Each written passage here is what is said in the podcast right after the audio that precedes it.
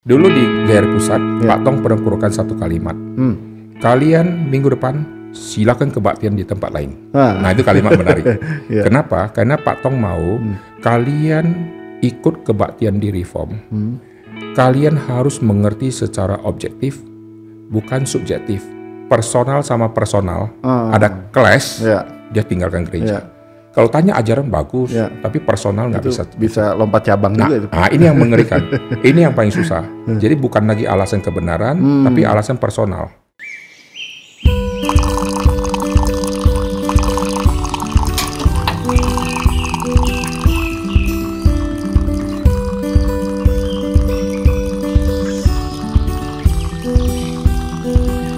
Selamat pagi eh, rekan-rekan semua, selamat pagi Pak Aiter. Eh, selamat pagi dan kita bergabung kembali di episode yang ke-28 dari program Morning Coffee, satu program dari pelayanan digital ministry Geri Karawaci yaitu channel Tota Scriptura. Dan pada pagi hari ini kita akan membahas satu tema yang sangat-sangat menarik karena ini jadi tema yang mungkin relevan bagi banyak orang dan termasuk mungkin saudara-saudara yang mendengarkan juga yaitu cari gereja boleh atau bolehkah mencari gereja dan saat ini saya bersama dengan pendeta Aiter Eh, Pak Aiter akan berbincang-bincang dengan saya eh, untuk membahas satu tema yang menarik ini. Selamat pagi Pak Aiter sekali lagi Pak. Terima kasih. selamat pagi dan selamat datang di Morning Coffee di studio eh, kami di Tota Scriptura ini. Dan kita boleh langsung bahas nih Pak ya? Ya, oke. kita langsung bahas. Nih bicara soal mencari gereja Pak. Sebenarnya mencari gereja ini satu hal yang memang harus dilakukan orang-orang Kristen atau eh, ada baiknya kita ya memang eh, memanfaatkan apa yang ada. Misalnya eh, kita mengikuti gereja orang tua kita. Kalau orang tua kita sudah bergereja di situ bertahun-tahun ya udah sebagai anak kita mengikutinya. Atau memang kita harus mencari, menemukan yang paling baik lah misalnya. Sebenarnya prinsipnya bagaimana Pak? Jadi kuncinya adalah di orang yang mencari. Hmm. Setiap orang kalau mencari sesuatu, dia sudah harus punya konsepnya. Hmm. Kalau dia mau cari dokter, misalnya Ya. dokter spesialis apa, dia sudah harus punya pengetahuan minimal sedikit tentang penyakit yang dia alami. Hmm. Sehingga waktu dia cari dokter, dia bisa cari dokter yang tepat. Ya. Kalau dia kena penyakit gigi, dia tidak tentu harus cari dokter Ya. yang lain, gitu kan? Ya, Karena dia harus konsentrasi di gigi, kecuali ada komplikasi. Nah, jadi untuk cari gereja itu perlu ada orang yang bisa kita percaya atau yang mempunyai background mengenai kebenaran. Karena cari gereja bukan cari gedungnya, tetapi kebenaran apa yang disampaikan oleh gereja. Nah, ini yang paling penting. Nah, oleh sebab itu cari gereja tidak lihat gedungnya, tidak lihat jaraknya, tidak lihat besar kecilnya, tapi lihat pengajaran apa yang disampaikan. Hmm. Kayak sekolah, Ya. orang cari sekolah lalu lihat kurikulumnya. Kenapa kurikulum? Karena mau tahu apa yang diajarkan. Hmm. Lalu gurunya siapa? Nah, itu menjadi faktor untuk mereka menentukan. Ya. Nah, di gereja kita cari tahu ini gereja ngajarnya apa. Hmm. Lalu hamba Tuhannya ini siapa? Ya. Nah, dari situ baru orang akan menentukan. Ya. Tetapi ada orang yang merasa kita nggak perlu tahu. Hmm, Karena urusan rohani sampai dalam itu urusan Ya. pendeta. Ya. Saya orang awam hanya tahu bagaimana praktika hidup sudah cukup. Nah, itu Ya. itu dilemanya. Ya. Tapi kalau kita kembali lagi, kalau kita kerja, kita survei tempat, Hmm. kita cari kerja. Kita cari sekolah, kita survei sekolah, kita tentukan sekolah untuk anak yang mana. Ya. Semua kita ke rumah sakit, kita cari rumah sakit, cari Hmm. dokter. Kita mau melahirkan, cari dokter mana. Karena kita tidak mau sembarang percayakan dokter ini yang akan merawat saya. Ya. Tapi sering kali nanti untuk hal gereja kita merasa tabu. Hmm. Betul. Kalau saya cari kayaknya kurang menghormati Tuhan, menghina pendeta. Ya. Tapi sebetulnya kita harus menemukan gereja yang sungguh-sungguh mengabarkan Hmm. kebenaran. Artinya memang kita harus menilai Pak, gerejanya. ya. Kita ketika menilai apakah itu artinya kita memposisikan lebih tinggi dari gereja? Pak? Ya. Atau ada ada sesuatu yang perlu kita pegang dulu untuk menilai itu atau gimana? Ya. Saya makan di satu rumah makan, Ya. lalu makanannya tidak enak. Hmm. Waktu saya bilang makanan ini tidak enak, tidak tentu saya harus bisa masak. Oke. Kalau harus bisa masak, baru boleh menilai, Hmm. maka saya tidak bisa menilai semua makanan Ya. karena saya tidak cukup syarat. Jadi tidak tentu saya harus bisa masak. Ya. Nah sekarang kalau saya menilai satu gereja atau satu ajaran, saya boleh tidak menilai? Jawabannya boleh, karena penilaian itu memang Tuhan yang taruh waktu Tuhan cipta dunia ini, Tuhan sendiri yang menilai ini baik, Ya. ini baik. Bahkan Tuhan sendiri yang berkata tidak baik. Tidak baik manusia itu seorang diri saja. Ya. Jadi potensi itu Tuhan kasih kepada manusia untuk manusia nilai ini baik. Dan potensi itu juga Tuhan kasih kepada manusia itu tidak baik.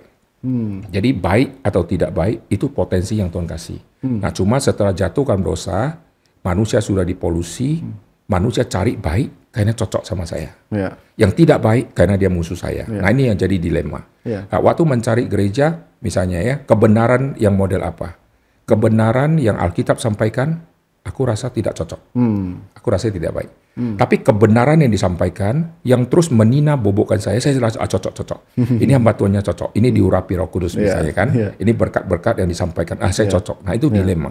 Karena kuncinya adalah siapa yang menilai. Ini kuncinya. Iya, Boleh menilai. Tapi memang sungkan, Pak. Ya. Kadang-kadang ya sebagai jemaat nih, ini kita memposisikan diri menilai, menjudge. Meskipun memang ya kita nggak belajar, tapi ya Tuhan, apa memang Tuhan kasih tanggung jawab itu, Pak? Ini sebenarnya tanggung jawab atau eh, sesuatu yang lain kita sebagai jemaat eh, ketika melihat sebuah gereja. Ya.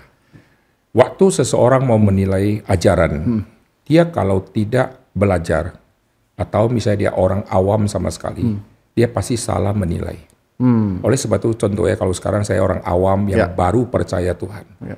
Lalu saya masih blank tentang kekristenan. Waktu saya menilai gereja mana yang baik, gereja mana yang tidak baik, saya nggak punya data.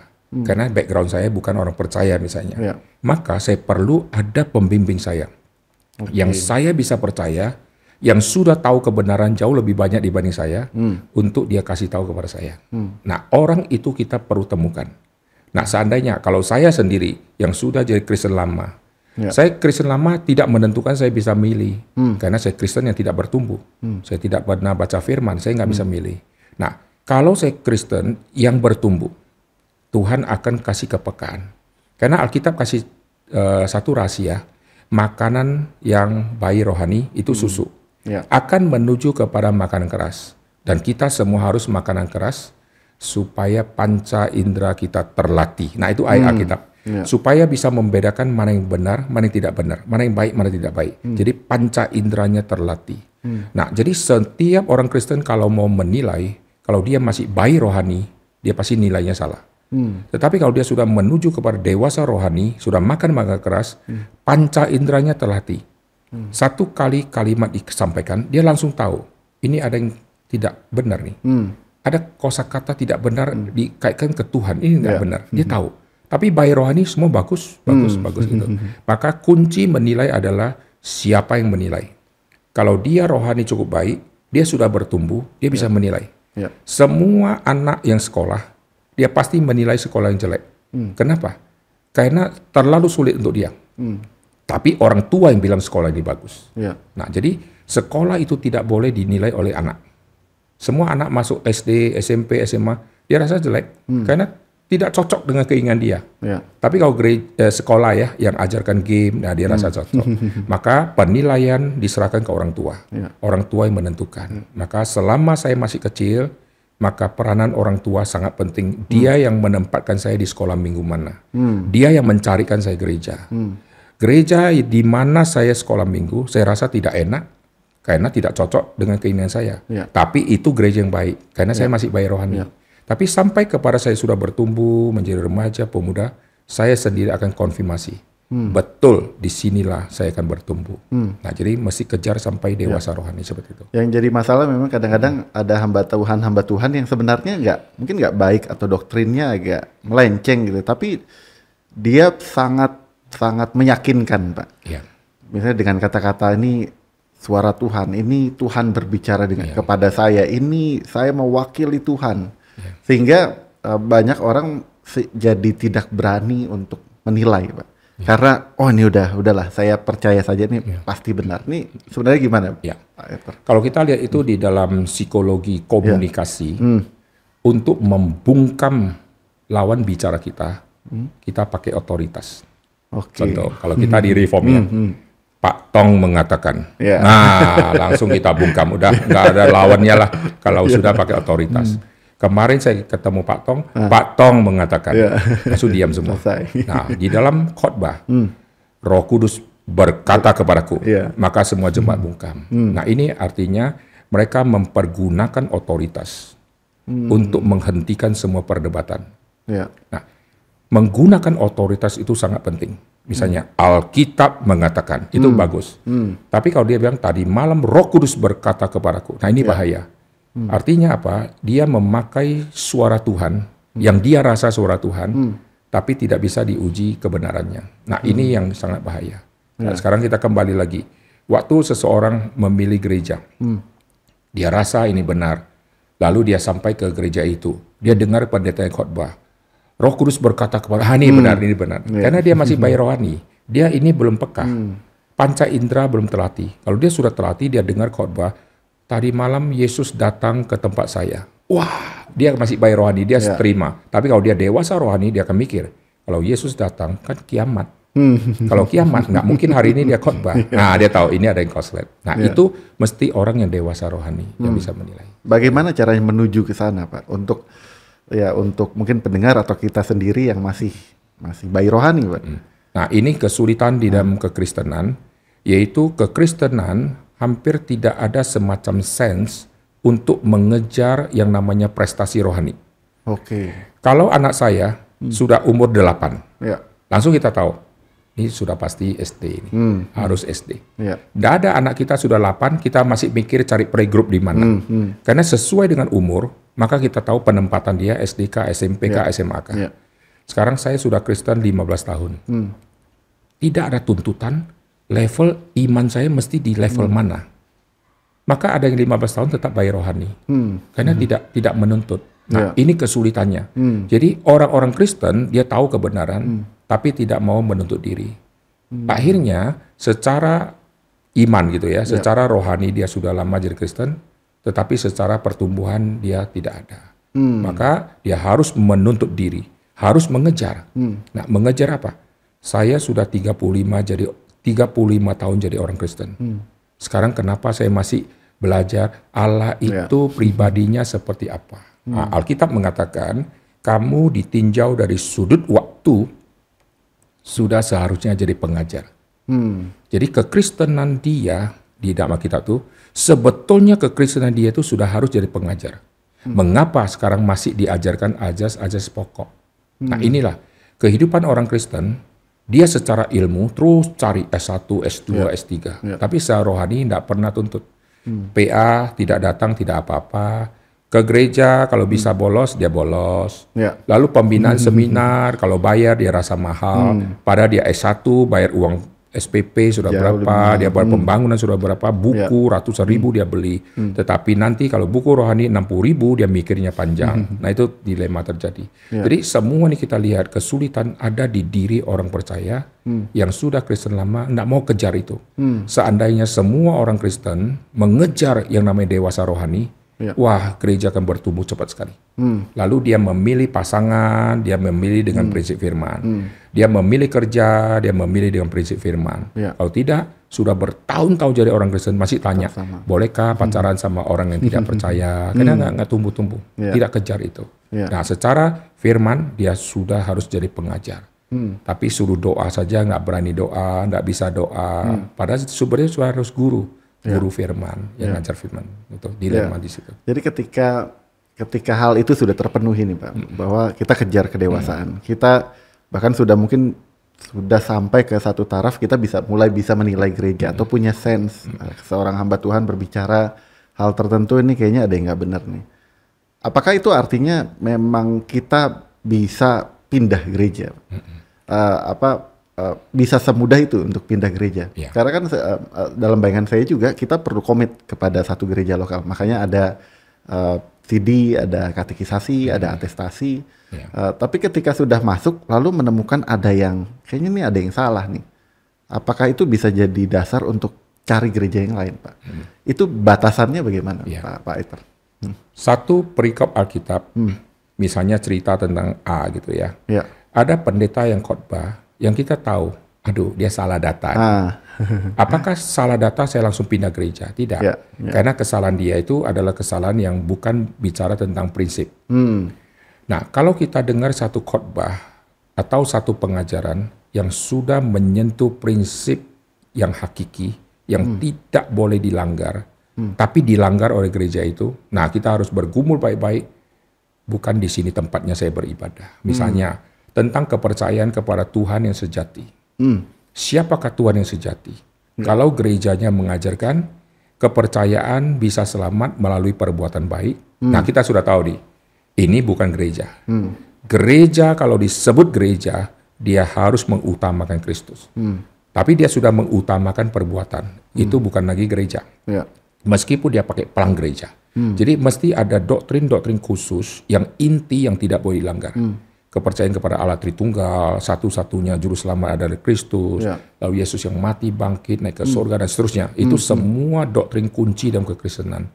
Ya, ya, tentang Roh Kudus, tentang pribadi Bapa, pribadi Kristus itu tidak boleh salah. Nah, lalu nanti ada perbedaan tafsiran tentang lalang dan gandum, Ya. perban- eh, perbedaan tafsiran tentang kitab mana yang duluan Matius atau Markus di dalam sejarah lalu debat-debat. Nah, itu Ya. bukan hal yang prinsip. Yang bukan prinsip itu tidak boleh akhirnya kita nanti pindah gereja. Contoh, hari ini saya dengar khotbah, saya tahu tafsiran dia salah data, saya pindah. Ke gereja berikutnya ada tafsiran data lagi. salah data lagi, saya pindah lagi. Akhirnya saya bergereja sama Chat GPT nanti.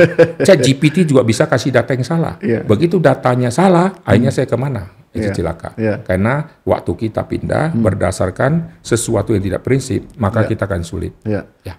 Jadi eh, berpindah-pindah ini ada satu istilah nih Pak yang yang saya teringat ada istilah church church hopping. Jadi lompat-lompat seperti kelinci lompat sana lompat sini.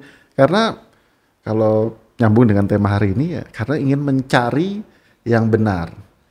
Eh, terlepas eh, dari statement itu mas- eh, saya sih juga beberapa kali ketemu dibilang oh iya saya mau cari yang benar tapi ketika ngobrol-ngobrol-ngobrol ternyata bukan mau cari yang benar mau cari yang nyaman buat dia tapi misalnya pak mau beneran mau cari yang benar apakah itu bisa dibenarkan lompat ke gereja ini nggak dapat yang benar Mis- dengan asumsi eh, ada doktrin yang prinsip yang penting yang dilanggar lalu lompat lagi, lalu lompat lagi, eh, itu gimana pak?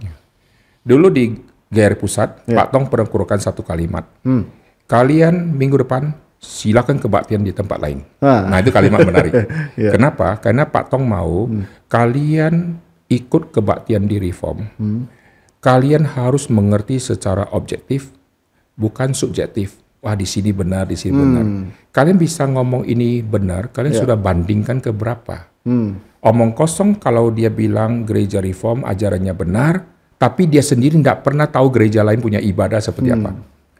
Khotbah ini bagus, Ya. tapi nggak pernah dengar khotbah orang lain. Steril. Bagaimana? Nah, maka Pak Tong bilang, silakan ke gereja mana saja, silakan pergi ibadah, nanti kalian akan membandingkan. Nah itu. Nggak, Jadi nggak takut kehilangan jemaat. Ya, itu itu menariknya. Jadi kalau mama saya sudah sangat ahli masak, mama saya tidak akan takut lepaskan Ya. saya makan di warung mana pun, Ya. karena balik minta mama masak lagi. Tapi kalau mama saya tidak bisa masak, saya akan berkata warung sebelah banyak micin, warung sebelah airnya tidak bersih, karena takut dia makan, ketahuan mama punya masakan nggak enak. Ya. Nah ini banyak gereja alami fobia seperti itu. Ketakutan jemaatnya mendengarkan khotbah di tempat lain. Kalau kita di reform, silakan dengar khotbah dari mana saja. Dan kami di STT, selain ada buku teologi-teologi yang bagus-bagus, di dalamnya ada buku bidat, di dalamnya ada buku ajaran-ajaran yang Ya. sesat-sesat, semua ada. Supaya apa? Semua mahasiswa harus membaca. Setelah itu dia ambil keputusan, saya pegang yang mana. Hmm. Kalau STT itu buang semua buku lain, hanya dari buku satu saja, satu versi saja, satu aliran saja. Bagaimana dia berkata aliran ini benar, yang lain salah? Dia nggak ada perbandingan. Jadi pindah-pindah gereja untuk cari kebenaran. Kadang-kadang Tuhan izinkan di dalam tahap-tahap tertentu orang itu harus mencari. Hmm. Tetapi kalau terus-terusan seperti itu, ini tidak bisa. Ya. Jadi terus, maka Alkitab katakan, kepada siapa engkau membandingkan aku? Dengan ilah manakah engkau membandingkan aku? Karena mereka sudah tahu ilah-ilah begitu banyak. Orang Israel tahu ilah Mesir begitu banyak. Coba kalau orang Israel nggak pernah tahu ada ilah. Lalu Tuhan bilang, kepada uh, ilah mana yang engkau bisa bandingkan sama aku? Mereka bilang, nggak ada ilah di sini. Ya. Tapi mereka sudah tahu dunia begitu banyak ilah, lalu Tuhan tantang. Maka mereka bilang, amin. Nggak ada yang seperti Tuhan. Itu. Jadi silakan. Jadi waktu kita berkata gerejaku ajarannya baik, ajaran gerejaku benar. Suruh jemaat keliling ke semua gereja. Yang dia bisa tuju, silakan. Dengar. Ya. Setelah itu dia ambil keputusan, benarkah kalimat saya? Nah maka satu sisi itu bagus, sisi yang lain itu resiko. Kalau dia pergi, dia sendiri belum ada fondasi, dia rasa ini juga baik, ini juga benar. Akhirnya dia malah bingung. Bingung, iya. Nah maka perlu ada pendamping. Maka gereja perlu ada KTB Ya. untuk per orang punya rohani itu bisa dibina. Ya. Sehingga sampai level tertentu waktu dia keliling dia akan tahu. Ya. Kita sekarang keliling-keliling makan, kita ingat masakan mama waktu saya kecil Paling itu enak. Padahal dulu waktu kita makan kita rasa biasa. Sekarang baru tahu itu enak. Jadi dari mama tangan mama. Waktu saya katakan seperti itu karena saya sudah mencicipi yang lain seperti itu. Iya. Ya. Saya ingat beberapa jemaat di Geri Karawaci sendiri itu ketika ngobrol-ngobrol ada yang oh ya Pak Sam, saya dulu lompat-lompat Pak ke sini, ke sini, ke sini lalu tiba-tiba dengerin Pak Tong, lalu ternyata oh ada di Tangerang ada gereja, mulai masuk ke sini, ke sini, ke sini dengerin Reform 21, oh ternyata ada gereja masuk. Tapi memang awalnya lompat-lompat. Eh, tapi nggak semua orang Kristen harus melewati masa itu kan ya Pak ya. Kalau memang atau gimana Pak? Ya. Ada yang dia sudah dari kecil misalnya Ya. dibawa orang tuanya ke satu gereja dan dia sudah dapat firman di situ sampai dewasa nikah bahkan sampai mati di situ bisa seperti Ya, itu. ya. Nah, ada lagi orang yang pernah alami lompat-lompat, bergumul di sini lalu pindah-pindah akhirnya masuk ke satu ajaran yang benar. Ya. Nah, dua macam orang Kristen ini nanti orang Kristen yang kedua yang lebih kuat Hmm. karena dia pernah alami, dia pernah tahu, dia pernah disesatkan tanda petik itu. jadi waktu dia kembali ke benar, dia akan militan. Sedangkan yang dari kecil sudah dengar ajaran, tinggal nggak ada tantangan. Hmm. Seperti saya seorang yang jadi Kristen, Ya. contoh ya dari latar belakang non Kristen.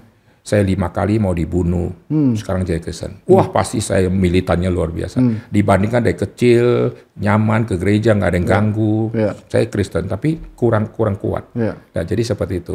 Jadi bukan berarti semua orang Kristen harus keliling nggak. Ada orang yang Tuhan izinkan untuk bergumul sangat lama. Dan bukan berarti yang belum lompat-lompat saatnya lompat-lompat sekarang setelah Ya. dengerin ini kan Pak ya. Ada yang dia tidak usah lompat, dia sudah tahu di sini. Tetapi bukan berarti dia tidak tahu. Dia dia dengar. Dia dengar dari YouTube kah, Ya. dia dengar kaset kah, dia baca buku aliran lain. Tapi dia tidak pindah, dia baca. Jadi dia bisa keliling ke mana melalui baca dan dia dengar. Dengar rekaman khotbah, dengar siaran khotbah, atau mata nonton khotbah orang lain. Dan dia tahu, meskipun fisik saya tidak hadir, tapi saya sudah ikutin khotbah pendeta ini. Apalagi sekarang zaman medsos. Jadi dia tidak usah hadir di gereja sana, dia sudah bisa dengar. Sekarang kita mau cari pendeta A. Dia khotbahnya di mana? Kita langsung tahu. Kalau dia ada di upload ya, lalu kita bisa dengar, oh konsep dia tentang ini, ini, ini. Ya. Langsung kita tahu. Ya. Nah setelah itu kita tahu, wah ini gereja yang bagus. Nanti kalau suatu saat saya pindah ke kota sana, saya akan bergereja tempat dia misalnya. Karena kota saya sekarang nggak ada gereja dia seperti itu. Ya. Nah, maka setiap orang itu beda-beda. Ada yang dialami pindah sini, pindah sana. Saya sendiri dulu dari metodis. Hmm. Saya dibesarkan dari sejak kecil sampai lulus SMA saya metodis. Maka zaman saya tidak ada waktu kecil nggak ada karismatik, nggak ada semua ada yang lain. Ya. Jadi di Sumatera Utara kalau disebut saya Kristen tapi Chinese pasti metodis Chinese, metodis dua namanya. Ya. Kalau saya pribumi, saya sebut Kristen, pasti kalau tidak HKBP, metodis satu. Itu yang banyak orang Bataknya. Ya. Cuma itu, nggak ada perbandingan. Ah. Jadi kalau saya kecil ditanya, gereja yang benar yang mana? Ya ini. Nggak ada lagi yang lain. Nah sekarang masuk begitu banyak Ya. aliran. Nah Ya. dengan masuk, wa- waktu saya pindah ke Jakarta, saya mendapatkan banyak aliran. Lalu saya coba masuk ke aliran yang lain. Waktu saya masuk ke aliran lain, nah karena fondasi saya tidak kuat, saya merasa aliran itu yang benar. Hmm. Nah, sampai akhirnya saya bertemu dengan Reform. Hmm. Nah, saya masuk ke gereja Reform di tahun 90. Waktu itu Pak Tong khotbah di Granada di lantai yang bawah. Waktu itu jemaat masih di lantai bawah. Saya sudah kebaktian di situ. Lalu saya dengar khotbah ini siapa nih orang tua. Zaman dulu Pak Tong masih sangat totok. Bahasa Mandarin dia sangat kuat. Ke Indonesia totoknya luar biasa. Saya pikir ini encik-encik dari Tiongkok mana gitu. Lalu setelah itu saya dengar khotbah, saya nggak ngerti. Karena Pak Tong khotbah Yohanes pasal 1 dan ini sangat dalam, saya nggak ngerti. Karena saya dari kampung, Ya. Pak Tong khotbah filsafat. Nah, sejak saat itu, saya mulai pikir, gereja kok pendetanya khotbah membuat orang tidak mengerti ya. Penasaran, terus ikut. Nah, baru saya sadar, waktu tidak mengerti, karena saya sudah terlambat begitu jauh. Hmm. Saya selama jadi Kristen nggak pernah bertumbuh, nggak pernah tahu hal-hal yang berat. Ya. Akhirnya saya kejar untuk mendapatkan makan keras. Maka saya sekolah teologi awam, lalu setelah itu saya menentukan saya harus mengabdi dan melayani di gereja Reform itu. Maka sejak tahun 90 sampai hari ini saya ada di Reform. Ya. Tapi sebelumnya saya sudah ada di metodis, saya pernah ke karismatik, keliling-keliling pindah-pindah gitu. Nah, seperti itu. Nah, itu kan tadi dari sisi uh, jemaat yang lompat-lompatnya, Pak. Kalau dari sisi jemaat yang memang sudah menemukan dan sudah cukup dewasa untuk menemukan dan benar-benar menemukan hal apa yang kita perlu lakukan, Pak, ketika ketemu sama uh, orang-orang atau jemaat-jemaat yang lompat-lompat seperti ini, Pak. Peranan kita sebagai jemaat yang sudah mengerti terlebih dahulu itu sebenarnya apa, Pak? Ya. Kadang-kadang kita lihat mereka yang lompat-lompat, langsung kita mencap mereka Ya, rohani nggak baik kan. Betul. Tapi sebetulnya tidak lama kemudian kita juga lompat. Ah, Karena kesalahan konsep kita kalau kita sendiri tidak dibereskan. Misalnya ya, kita punya Hmm. angan-angan Ya, sebagai gereja begini. Ternyata suatu saat ada yang mengecewakan saya. Ah. Saya sendiri loncat, saya sendiri pindah. Jadi banyak faktor yang membuat Hmm. orang itu loncat, bukan karena pengajarannya, tapi karena personal sama personal ada clash, Ah. Ya. dia tinggalkan gereja. Ya. Kalau tanya ajaran bagus, Ya. tapi personal nggak bisa bisa lompat cabang Nah, juga itu. ah, ini yang mengerikan. ini yang paling susah. Jadi bukan lagi alasan kebenaran, tapi alasan personal. Iya. Nah ini kalau diselesaikan setengah mati, konselingnya susah. Karena udah ada dendam pribadi itu Iya. susah. Nah kalaupun dia tidak pindah, kalau musuh dia jadi liturgis, dia lihat namanya Hmm. minggu depan, dia nggak datang. datang. Kalau pendetanya adalah musuh dia, dia tidak datang. Khotbah KU 1, pendeta itu. Khot- Iya. KU 2, bukan, dia datang ke KU 2. Kalau semua KU pendeta itu dia pindah gereja lain. Nanti minggu depan balik lagi. Nah, itu banyak di gereja yang bersembunyi seperti itu. Seolah-olah dia setia, Ya. tapi sebetulnya di dalam dirinya sudah loncat-loncat. Ya. Jadi ada yang loncat di luar gereja, cari-cari. Ada yang loncat-loncat diam gereja. Pendeta kesukaan dia ada di KU 3, dia ke KU 3. Ya. Yang tidak suka dia tidak suka yang KU 2, dia tidak ke KU 2. Padahal dia rutinnya di KU 2. Dia loncat-loncat di situ. Ya. Nah, itu masih loncat di dalam. Yang loncat di dalam itu sebenarnya banyak. Nah, ini belum diselesaikan masalahnya. Begitu muncul kekecewaan, dia akan loncat betulan keluar.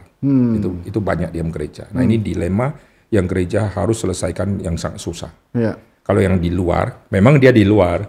Ya. Kita hanya mohon Tuhan berbelas kasihan dia kembali. Ya. Tapi yang di dalam, wah ini setengah mati. Hmm. Karena dia tahu semua, dia tahu kelemahan semua, dan dia pernah ada di dalam. Hmm. Ya. Hmm. Waktu dia keluar, dia akan menjadi musuh gereja ini.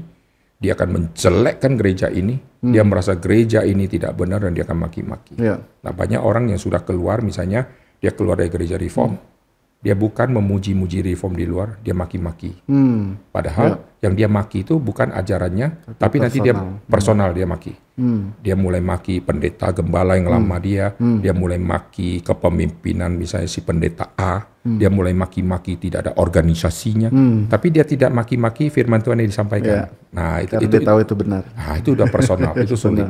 Jadi akhirnya dia cari gereja yang dia rasa cocok, Ya. bukan lagi kebenaran yang memimpin dia ke sana. Ya. Tapi karena di situ tidak ada musuh dia. nah ini kesulitan dia Ya. bekerja.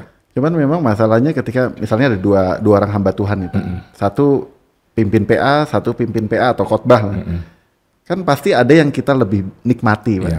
Ini Pendeta A kita lebih nikmati, lebih mengerti, bahkan membantu pergumulan real Eh, karena mungkin prinsip-prinsipnya, aplikasinya bisa langsung mengena. Tapi ada satu yang kok nih lebih datar, susah dimengerti. Nah ini gimana Pak? Apa memang kita nggak boleh ada keberpihakan seperti itu Pak? Harus telan dua-duanya atau atau gimana Pak itu? itu Tuhan tempatkan kita di dalam dunia yang multi seperti itu.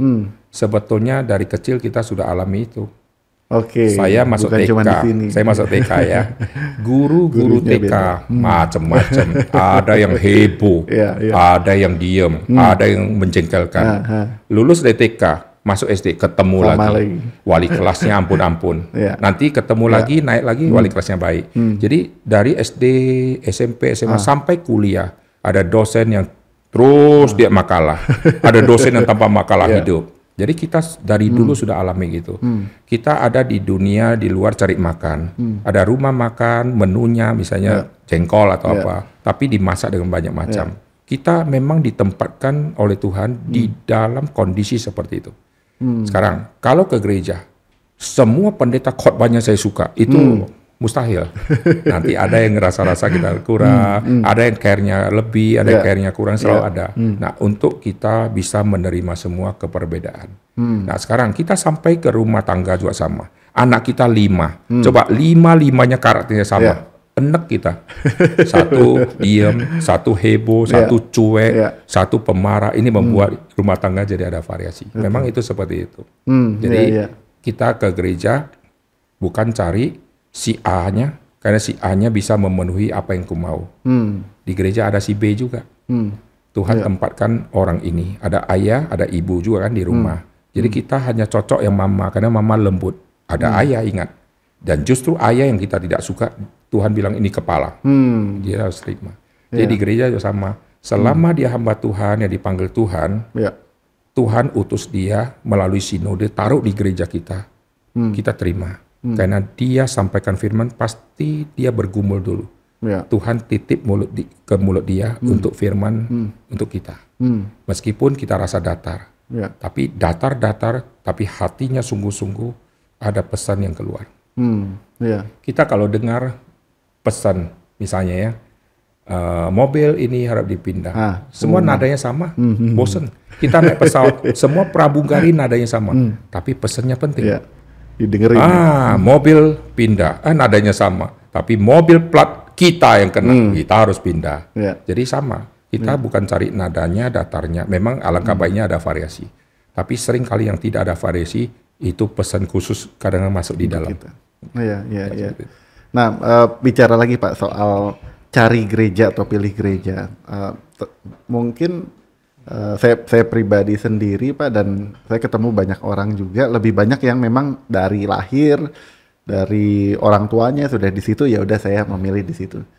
Si, eh, tapi ada momen-momen akhirnya dipaksa untuk memilih gereja. Misalnya momen ketika akhirnya harus pindah kota dan tidak ada gereja asal kita di di, di kota tersebut. Atau pacaran dengan yang beda gereja misalnya. Ketika berpacaran dengan beda gereja harus menentukan eh, gereja mana nanti keluarga baru ini akan beribadah. Nah ini prinsip-prinsip apa yang kita harus eh, harus pegang Pak ketika memilih eh, gereja seperti itu. Anggap dua-duanya baik misalnya. Itu pun juga bagian dari mencari gereja. Ya. Jadi di dalam aliran gereja ada aliran yang masih senada, Ah, ada aliran yang agak eh, mulai menjauh, oke. ada yang sangat menjauh. Ah. Jadi kalau misalnya kita ada di aliran gereja A misalnya Ya, kan, ya. kita tahu ini ajarannya benar, tapi gereja ini tidak ada di kota yang saya akan pindah. Hmm, Maka saya cari yang senada dengan dia. Oke. Jadi kita mulai mencari yang senada, Hmm. yang Injilika atau yang misalnya yang senada lah secara ajaran. Ya kita cari di situ. Hmm. Karena kalaupun nanti ada perbedaan ajaran, tidak terlalu complang, tidak terlalu jauh, Ya. masih senada Ya. Kalau kita tidak cari yang senada, kita langsung ke ekstrim yang lain, nanti akan terjadi beda. Hmm. Semua ibadah, tata cara semua akan beda. Cara Ya. khotbah, pendetanya, semua kostum semua akan berubah. Hmm. Nah, karena gereja itu tergantung dia punya aliran seperti apa. Ya. Jadi kalau misalnya saya dari aliran A misalnya kan, lalu kalau kita pindah, gereja saya tidak ada, ya saya cari yang senada. Hmm. Dulu di Malaysia, Ya. di Penang, ada PRII Penang. Waktu zaman kerusuhan Mei, banyak orang-orang Sumatera Utara pindah, ke Penang, maka Penang buka gereja reform. Ya. Nah, kami mahasiswa teologi, kami tiga orang yang diutus, salah satunya saya, rutin 10 hari, 10 hari untuk menggembalakan di situ, melayani di situ. Ya. Lalu di sana pernah ada orang yang mau jadi Kristen, dia mau katekisasi dan dia mau dibaptis. Hmm. Tapi karena PRII, Persekutuan Reform, nggak boleh ada Bisa. baptisan, dan kami masih hamba Tuhan waktu itu Ya. evangelis. Kami nggak boleh lakukan semua Ya. tindakan ini. Ya. Lalu kami tanya Pak Tong, Hmm. masa mesti menunggu sampai ada MRI, PRI baru boleh? Kalau suruh pindah ke Jakarta, dia memang Ya. tinggal di sana, nggak bisa, tiket Hmm. mahal. Pak Tong katakan kalimat ini. Di Pineng ada gereja yang Pak Tong kenal hamba Tuhannya, Hmm. itu alirannya senada. Hubungi pendeta itu, minta pendeta itu yang baptis supaya nanti digembalakan oleh pendeta itu. Hmm. Hanya kita kontak dan betul pendeta itu datang, dia pakai jubah pendetanya, dia baptis, dia kasih surat baptis gereja sana, tapi kami yang dampingi juga. Nah itu senada, Ya. meskipun bukan di reform. Nah itu kuncinya. Ya. Jadi kalau saya pindah ke satu tempat, tidak ada gereja yang sama, saya cari yang senada. Hmm. Gitu. Hmm. Ya. Kalau pergumulan itu misalnya eh, pacaran beda gereja, sebenarnya memang harus pilih satu gereja atau atau gimana Pak Pak Eter? Ya. Karena setiap gereja ya, Ah. memang kita lihat ya, ada gereja yang ya pengajaran yang bagus. Ya. Pengajaran bagus berarti saya ke gereja sana tidak masalah karena pengajaran bagus. Ya. Saya ke gereja saya pengajaran bagus ini tidak Ya, masalah. ya. Tapi masalahnya kalau sudah nikah atau sudah suami istri, Hmm. si istri ke gereja A, suami ke gereja B, memang dua-dua gereja bagus. Ah. Tetapi secara keluarga nggak bagus. Hmm. Karena pergi ke gereja kok tidak sama-sama. Ya. Nanti setelah itu punya satu anak. Nah, Hmm. anak bingung nih. Pilih Minggu pertama sama papa, minggu kedua sama mama. Ini satu anak. Kalau dua anak bagi lagi. Aja setiap hari kita mesti buat tabel untuk bagi-bagi. Lalu anak pulang diskusi sama papa. Papa bisa jawab karena dia ikut papa. Papa Ya. tahu hamba Tuhannya guru sekolah minggu. Tapi mama nggak bisa jawab. Hanya pendidikan kepada anak tidak senada nanti. Lalu masing-masing gereja nanti pertumbuhan orang tua juga beda. Ya. Nah, lalu waktu pertumbuhan beda, komunikasi nggak bisa jalan baik, nanti anak yang akan dikorbankan. Hmm. Jadi secara prinsip semua gereja tadi, dua gereja tadi ajaran yang benar itu Ya. tidak masalah. Tapi secara prinsip keluarga kalau mereka pergi pisah gereja itu nggak baik. Ini mesti sama-sama. Ya. Karena kita menghantar anak sama-sama, beribadah sama-sama, lalu pulang sama-sama, menjadi satu kebersamaan. Ya, ya. Ya. Ini bi- saya harap eh, untuk pendengar-pendengar yang saat ini mendengarkan ini bisa dan secara khusus pendengar-pendengar yang mungkin masih lompat-lompat ya Pak ya. Mulai mendorong dirinya untuk bertumbuh, belajar lebih banyak. Saya dapat tadi prinsip penting dari Pak Eter ya, kitanya pun harus mendorong diri kita ber- untuk bertumbuh, bukan cuma kaki yang lompat-lompat ya Pak ya. Ya. Tapi prinsip-prinsip firman Tuhan juga harus eh, terus kita pelajari.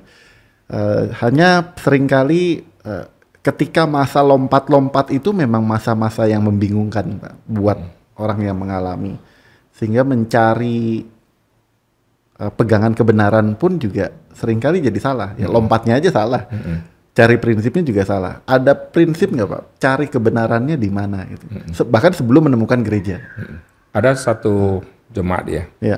dia dulu di pemuda Ah, di gereja A, saya tidak Ya. sebut gerejanya.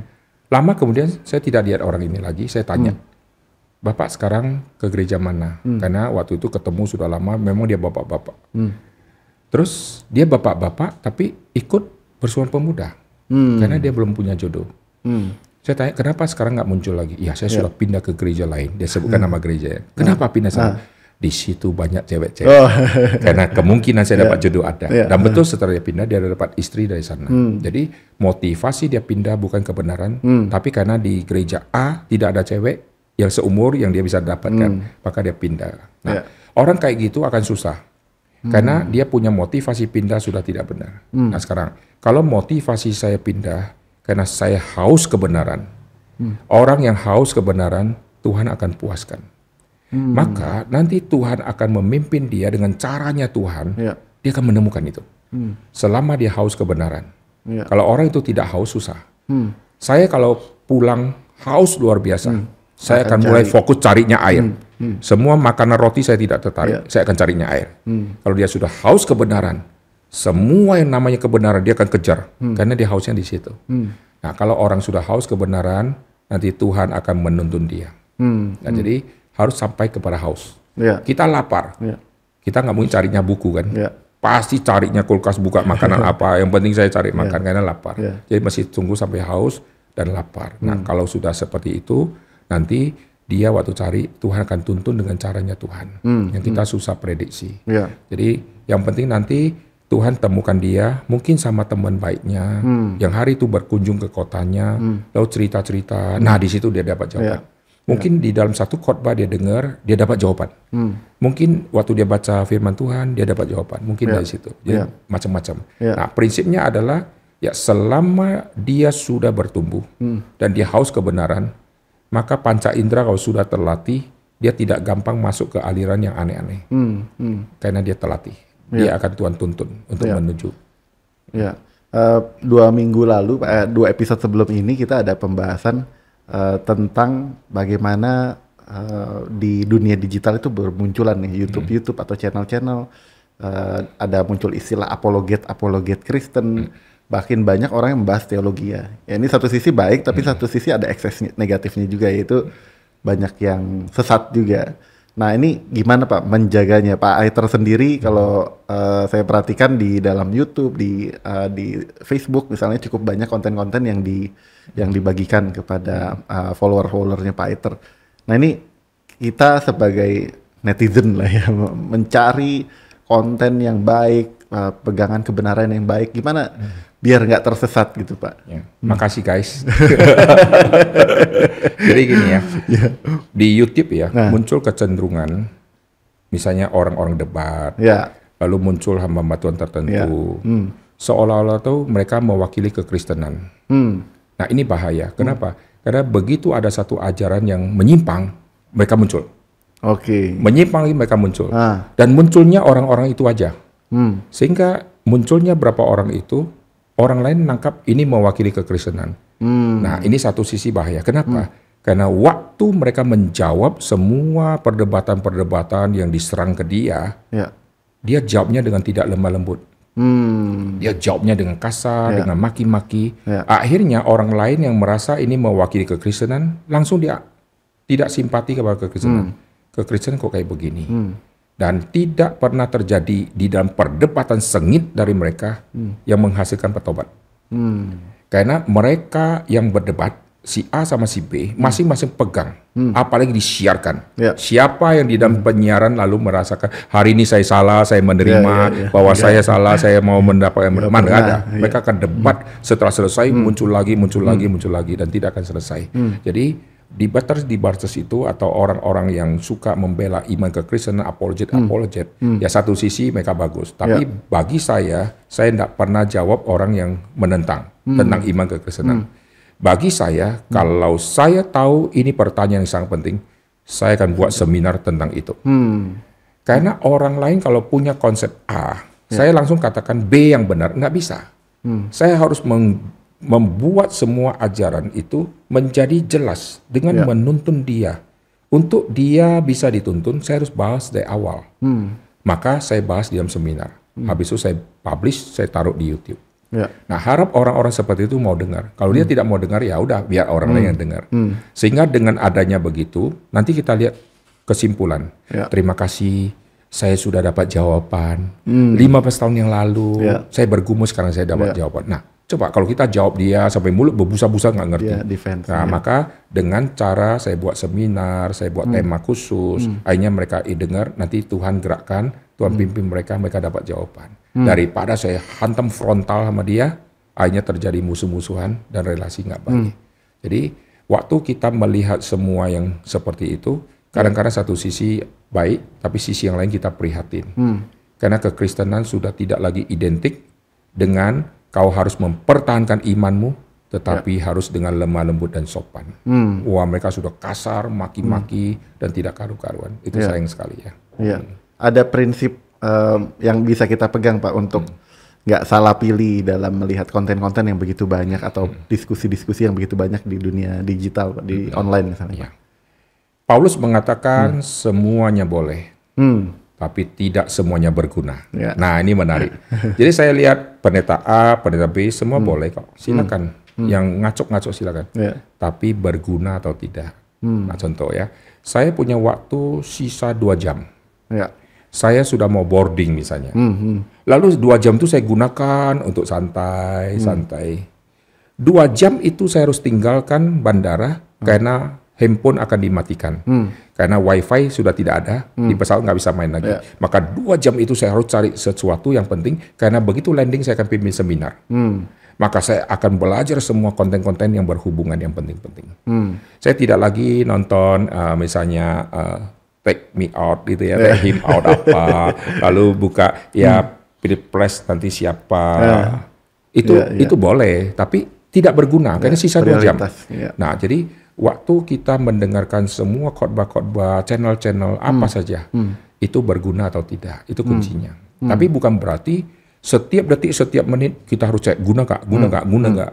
Kita jadi orang yang fobia lagi. Ya. Hanya semua kita harus selidiki guna nggak guna. Apa gunanya saya uh, klik YouTube ini? Lalu kita diskusi. Untuk diskusi ya di dalam diri sendiri perlu 15 menit. Yang penting gua klik aja. Setelah klik dengan ah sampah betul. lewat, Iya. ah sampah selesai daripada debat-debat. Jadi silakan, semua Ya. boleh tapi tidak semuanya berguna dan tidak semuanya membangun. Ya. Jadi kuncinya setelah saya lihat ini membangun saya enggak. Setelah saya lihat saya mengerti, setelah mengerti ini untuk apa? Untuk saya sombong atau untuk saya wah tidak ditipu lagi. Kelak saya harus hati-hati dan seterusnya. Itu silakan. Ya. Thank you Pak Aiter. Ini uh, diskusinya sangat-sangat menarik dan saya yakin sekali uh, para pendengar juga uh, terberkati. Uh, balik lagi kepada tema besar cari gereja ini Pak. Mungkin ada prinsip-prinsip terakhir sebelum kita tutup diskusi pagi hari ini. Uh, apa yang harus diingat kembali oleh kita ketika menggumulkan atau memikirkan dan bahkan mem- harus memilih sebuah gereja Pak. Ya. Kalau saya punya konsep ya, Ya. waktu si Elia sudah merasa tidak ada lagi orang yang seperti dia. Memang dia tidak tahu ada orang lainnya. Lalu Tuhan berkata masih ada tujuh ribu orang yang tidak akan tunduk kepada Baal. Oh kalimat itu sangat menyentuh saya.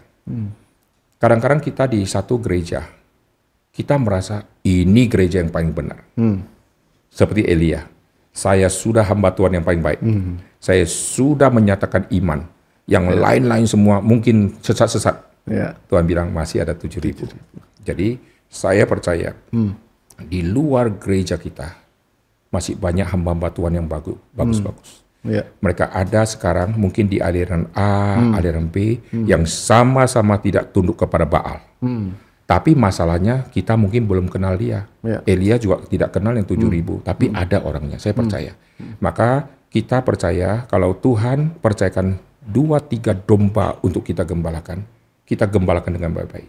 Kalaupun kelak dua tiga domba ini pindah ke pendeta lain, ya kita harap pendeta itu adalah salah satu dari tujuh ribu yang tidak tunduk kepada Baal, Ya. sehingga dia juga bertumbuh di situ. Ya. Jadi kita tidak boleh merasa wah dombaku dicuri. Kita nggak punya domba karena domba milik Tuhan. Ya. Jadi sebelum kita jadi hamba Tuhan, sudah banyak hamba Tuhan yang baik-baik.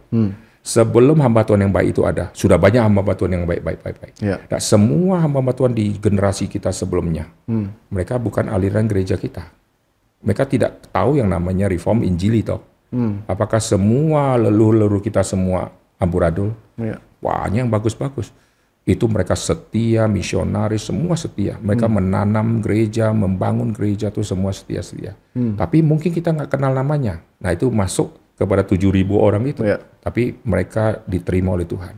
Yang sekarang mungkin ada di samping Tuhan Yesus sedang menikmati kebahagiaan yang kita nggak kenal.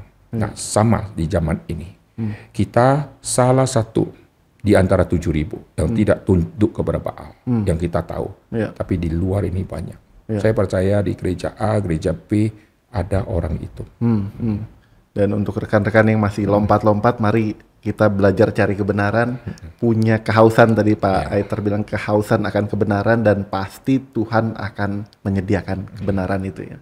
Terima kasih Pak Aiter sekali lagi untuk diskusi pagi hari ini eh, sangat-sangat terberkati dan sekali lagi selamat pagi dan terima kasih untuk kedatangannya Pak Aiter. Ya, terima kasih. Tuhan Terima memberkati. Terima kasih. Terima kasih.